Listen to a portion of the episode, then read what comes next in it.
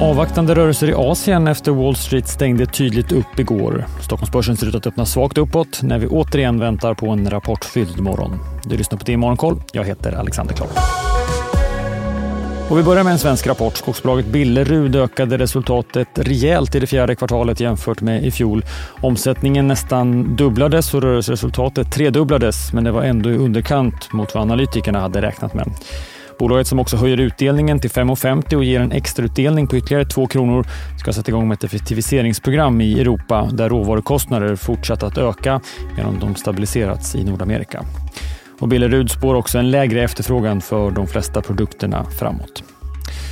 Vi lyder den första att rapportera från skogssektorn. Senare under morgonen rapporterar skogsbolaget SCA och vi väntar också bokslut från bland annat storbolaget SSAB, bostadssajten Hemnet och bilsäkerhetsbolaget Autoliv som släpper siffror först efter lunch. Huvudnumret denna morgon är klädjätten H&M som släpper sina siffror om en liten stund. Bolaget väntas redovisa ett betydligt lägre resultat än vi såg i fjol på drygt 3,5 miljarder kronor, nästan en halvering från förra året. H&M's totala försäljning är redan känd och landade på drygt 62 miljarder kronor i kvartalet. Så till Asien där det fortsatte helgstängt i Fastlandskina. Börserna öppnar där först nästa vecka. Hongkongbörsen är öppen och handlas i sidled något upp, precis som Tokyobörsen.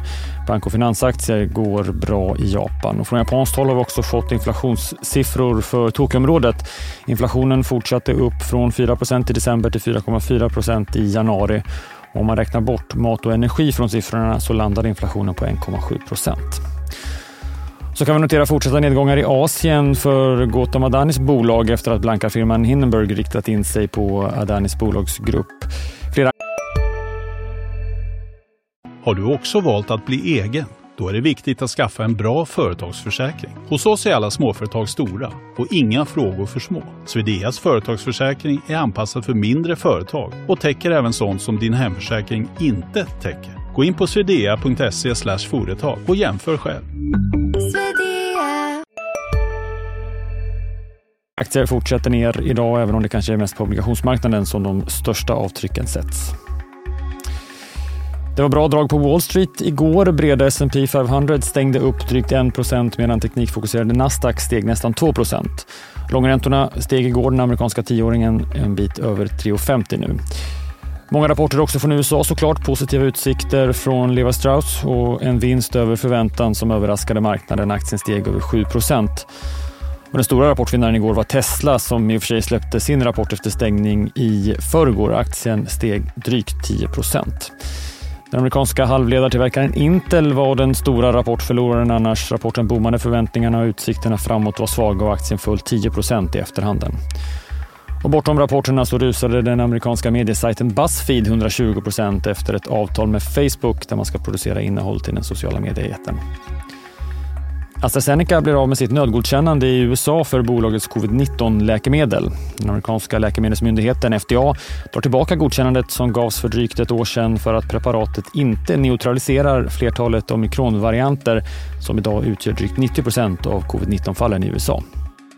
Och på tal om godkännande så har svenska BioArctic fått rätt till ännu en utbetalning för sitt eh, Alzheimers läkemedel. Bolaget som har rätt till betalningar vid inskickande av ansökningar för godkännande och vid själva godkännandet från myndigheterna har nu fått ett godkännande från Europeiska läkemedelsmyndigheten EMA. Och BioArctic får ytterligare 5 miljoner euro.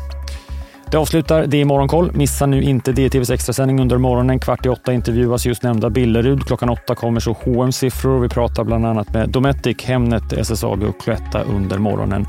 Den sistnämnda först i Börsmorgon. Ett program som numera också kommer som podd senare under förmiddagen. Jag heter Alexander Klar.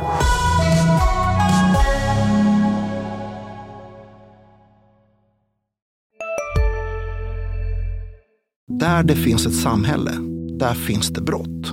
Krimrummet är podden som tar brottsligheten på allvar.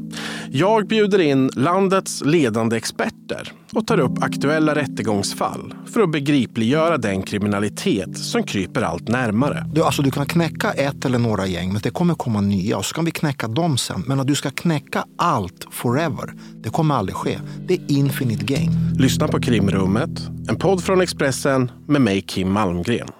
Hej, Synoptik här. Hos oss får du hjälp med att ta hand om din ögonhälsa. Med vår synundersökning kan vi upptäcka både synförändringar och tecken på vanliga ögonsjukdomar. Boka tid på synoptik.se.